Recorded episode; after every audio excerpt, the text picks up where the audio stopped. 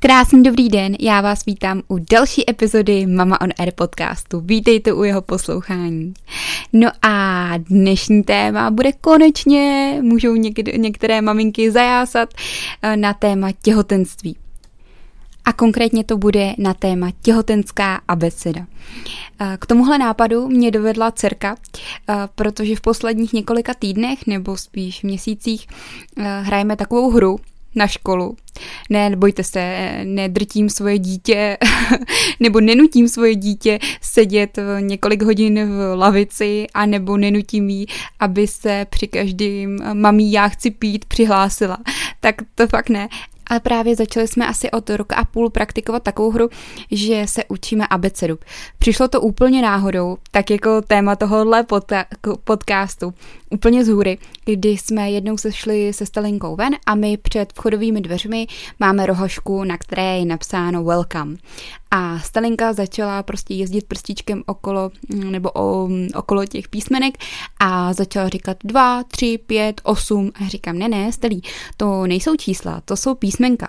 A tady to je dvojitý V, to je E, to je L, to je O, to je M, jako máma a to je uh, velká, velcomé, poslední je E. Uh, tak tímhle tím způsobem jsme my začali učit abecedu. Úplně tak jako nevinně.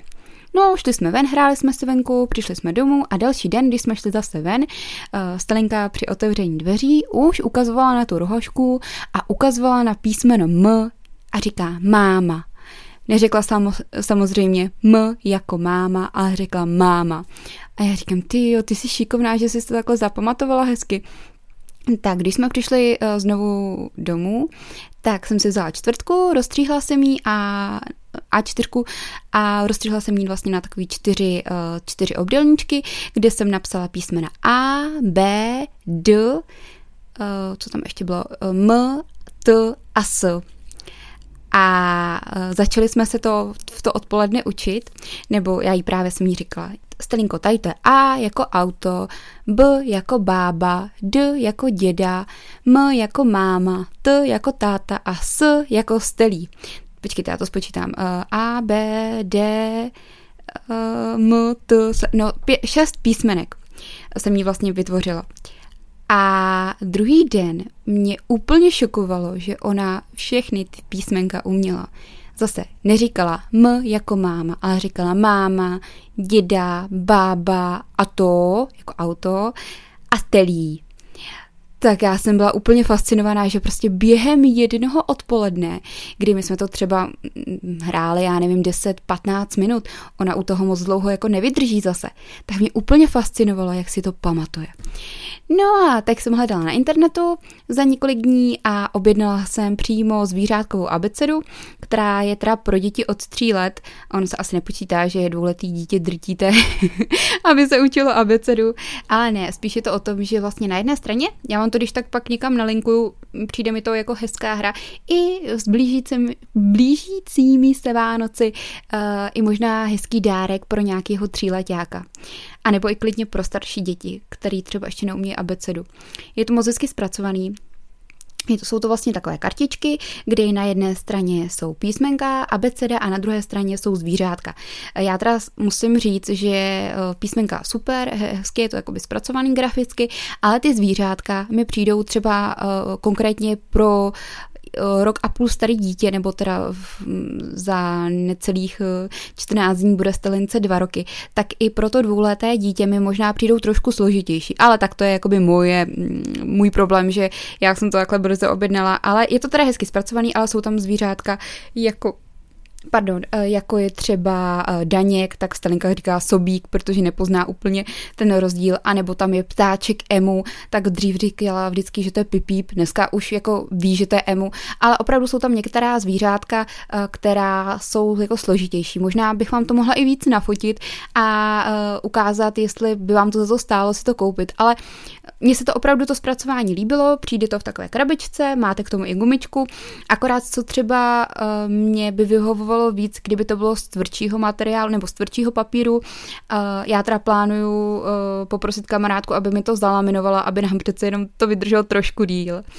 Tak, to jenom tak jako jsem odbočila trošku víc k tomu dárku, k té, k té zvířátkové abecedě. No a mně vlastně došlo před předevčírem, že by bylo super natočit podcast na téma těhotenská abeceda. No a tak vidíte, inspirovalo mě k tomu moje dítě zase, tak jsem se rozhodla, že pro vás natočím takovou těhotenskou abecedu. Asi to rozdělím do několika dílů, tuhle tu těhotenskou abecedu, protože přece jenom abeceda má dost písmenek a já jsem si pro vás připravila docela dost uh, slov, které se vážou právě k těhotenství. Plánuju i udělat porodnickou abecedu, nebo spíš porodní abecedu a ale je to opravdu dost eh, výrazů, dost slov, třeba i neznámých pro mnoho maminek, tak aby v tom jste neměli úplný guláš hned ze začátku, tak vám to budu dávkovat. Uvidím, jestli ty díly zveřejním po sobě, anebo jestli vám to vždycky tak jako střelím mezi porod, šesti nedělí, nebo co se ještě rozhodnu.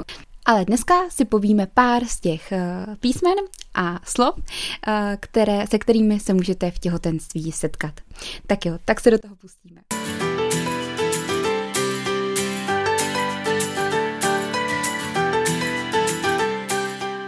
Abeceda logicky začíná písmenem A.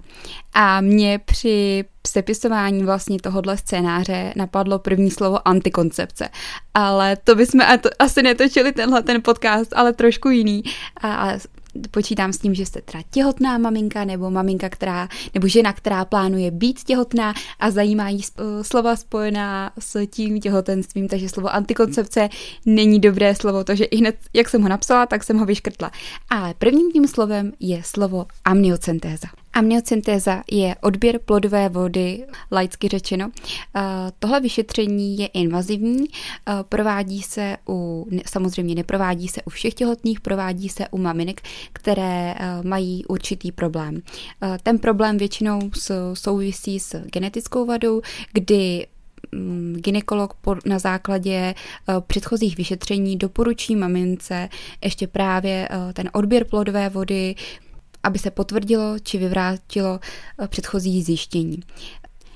Amniocenteza se provádí ve druhém trimestru těhotenství, od 15. týdne gravidity, tedy od té doby, kdy je maminka 15 plus 1. Eh, provádí se přístupem eh, tedy transabdominálním, to je přes bříško, kdy se pomocí takové tenké jehly zavede vlastně až do dělohy a odebere se vzorek té, to, té plodové vody. Odebírá se asi okolo 15 až 20 mm, milimetrů, pane bože, mililitrů. Ten výkon se provádí bez anestezie anebo jakéhokoliv uspání maminky. Ono to je maličkou jakoby bolestivé, ale není to zase tak velký zásah eh, Eh, aby se maminka musela kvůli tomu uspávat celkově. Já vím, je to hrozný představit si, eh, že vám strkají jehlu, velkou jehlu, eh, protože ona měří asi okolo 12 cm, tak takovou velkou jehlu do břicha. Nebojte, provádí se to pod ultrazvukovou kontrolou, kdy se pomocí ultrazvuku kontroluje vlastně směr v pichu té jehly. Odebere se teda ta voda a ta voda se pak posílá na vyšetření a zjišťuje se, jestli právě to miminko trpí nějakou genetickou vadou. Nejčastěji teda se zkoumá Downův syndrom. Určitě jsou možná, možná rizika amniocentézy. Riziko komplikací se uvádí asi něco mezi půl až jedním procentem, to je jeden na 100 až 200 výkonů. Eh, komplikací je nechtěná ztráta bohužel té gravidity. Eh, nejvíce jsou ohroženy ženy s vícečetným těhotenstvím a ženy, u kterých je riziko potratu, krvácení nebo například bolesti, eh, se vyskytovalo už před eh, samotným odběrem té plodové vody. Díky amniocyntéze vlastně pak maminka zjišťuje, jaké pohlaví se jí narodí miminka, pokud je tedy všechno v pořádku, pokud je negativní výsledek té amniocyntézy, tak to je takovým bonusem, že vlastně maminka díky tomu zjistí, pohlaví miminka čeká v bříšku. Amniocenteza je vždycky na, na předchozí indikaci lékaře. Samozřejmě maminka může odmítnout ten odběr té plodové vody protože prostě se bojí o to své těhotenství, takže může to klidně odmítnout. No a dalším písmenem je písmeno B a u toho písmena mě napadla jednoznačně bílkovina v moči. Tak asi víte, že i když jste nebyla těhotná, tak jste měla nosit vždycky při gynekologické kontrole moč s sebou a tak uh, i v těhotenství, vlastně při každé kontrole, byste s sebou měla přinést střední proud ranní moči. Uh, je to z toho důvodu, že ta ranní moč se kontroluje na různá vyšetření, ale nás teda teď zajímá ta bílkovina v moči a jedne, vlastně uh, provádí se to tak, že vy přinesete tu ranní moč ve zkumavce nebo v nějaké lahvičce sterilní, porodní asistentka vlastně uh, vloží do té zkumavky indikační papírek a zkoumá, jestli jsou tam například pozitivní, uh, pozitivní krev nebo pozitivní ketolátky a nebo pozitivní bílkovina. Ona to je taková barevná takový barevný papírek, který se právě vloží do, do té moči a chviličku se nechá tady okapat a pomocí kterého zjistíme, eh, jestli ta bílkovina v moči je, pokud se ten jeden čtvereček zbarví do takové zelené barvy. Ta bílkovina v moči může indikovat výskyt nejrůznějších onemocnění. V těhotenství se hlavně bojíme onemocnění, kterému se říká preeklampsie. Já se o téhle nemoci budu ještě zmiňovat v těhotenské abecedě, takže tohle si úplně nevyčerpám, ale je to onemocnění, které právě postihuje jenom maminky těhotné. Je to těhotenstvím indikované onemocnění a pojí se s vysokým krevním tlakem. Tedy je důležité, když my u maminky zjistíme tu pozitivní bílkovinu v moči, nemusí to znamenat poprvé vůbec nic. Ta pozitivní bílkovina může být i například eh, jenom falešně pozitivní tím, že se eh, do vlastně toho vzorku té moči dostal tok eh, těhotné, který je bohužel velice častý, zvláště v posledních týdnech těhotenství a může právě obsahovat velké množství té bílkoviny. Takže v tomhle případě je to samozřejmě v pořádku, ale je potřeba kontrola. Ale kdyby ta bílkovina byla opakovaně pozitivní a navíc uh, měla maminka vysoký krevní tlak, tak může to signalizovat právě to onemocnění, kterému se říká preeklampsie. A na to je potřeba myslet a učinit kroky k tomu, aby jsme to onemocnění zjistili co nejdříve a aby se s tím dalo něco dělat. Ale ještě o tomhle onemocnění zmíním pak dál, jenom jsem chtěla říct, že je to určitě důležité tu bílkovinu, nepodceňovat eh, braní sebou té ranní moči a kontrolu teda té bílkoviny a tlaku v moči, teda tlaku v moči, pane bože, tlaku, krevního tlaku, který vám měří sestřička při každé návštěvě lékaře. No, ale teď to natáčím odpoledne a nemůžu se vymlouvat na to, že je večer a stejně plácám někdy kraviny. Tak a dalšími dvěma písmeny je písmeno C a Č. Já bych možná trošku nelogicky začala tím písmenem Č a vybrala jsem k tomu slovo čípek. Čípek neboli hrdlo, neboli cervix, neboli porodnická branka. Ne, nemyslím tím ten čípek, který si můžete někdy strkat do zadečku, když vás bolí hlava, a nebo je vám na zvracení. Myslím ten čípek, který máte vy uvnitř vašeho těla. Hned vám vysvětlím, o co jde, pokud eh, nevíte úplně. Je to vlastně vyústění dělohy do pochvy. Je to takový, čípek je vlastně takový kanálek dvou centimetrový plus minus, eh, který právě vyčnívá do pochvy. Dá se dobře nahmatat pomocí vaginálního vyšetření, pro odvážnější maminky klidně můžou při samovyšetření zkusit si nahmatat takový cancourek prostě pomocí teda vložených dvou prstů do pochvy a zjistit, že opravdu něco takového v pochvě mají, pokud je to pro ně dneska objev. A uh, já teda musím říct, že s tím mám vlastní, no jasně, vlastní zkušenost, že jsem těch típků opravdu vyšetřila hodně u maminek, ale i já sama osobně jsem, mě to zajímalo v těhotenství, uh, tak ne teda, že bych se každý den vyšetřovala, ale občas uh, jsem si ta, jako, jsem se vyšetřila, abych zjistila, jestli ten čipek se neskracuje. O tom ještě za chviličku jakoby budu mluvit ve spojitosti s tím dalším písmenem a kontrolovala jsem si ho i sama, protože dost často mě tvrdlo břicho. Asi od 20. týdne opravdu jsem ho měla jako kámen. Neměla jsem úplně takové jakoby poslíčky, ale často mi to břicho tvrdlo. A to jsem zase odskočila trošku od tématu. A tak prostě eh, pokud to nějakou maminku zajímá, tak můžete vyzkoušet a může si ten čípek nahmatat.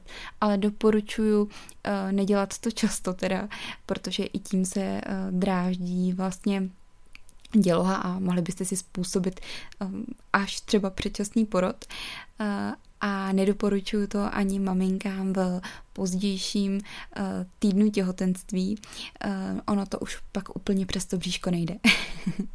no ale vraťme se tedy k tomu čípku. Ten čípek má uh, v těhotenství tu funkci, že vlastně slouží jako takový špuntík, takový uzávěr té dělohy, uh, který nám drží to miminko. On je obalený uh, takovým hlenem, který brání vstupu bakteriím, aby se k miminku nedostaly žádné bakterie.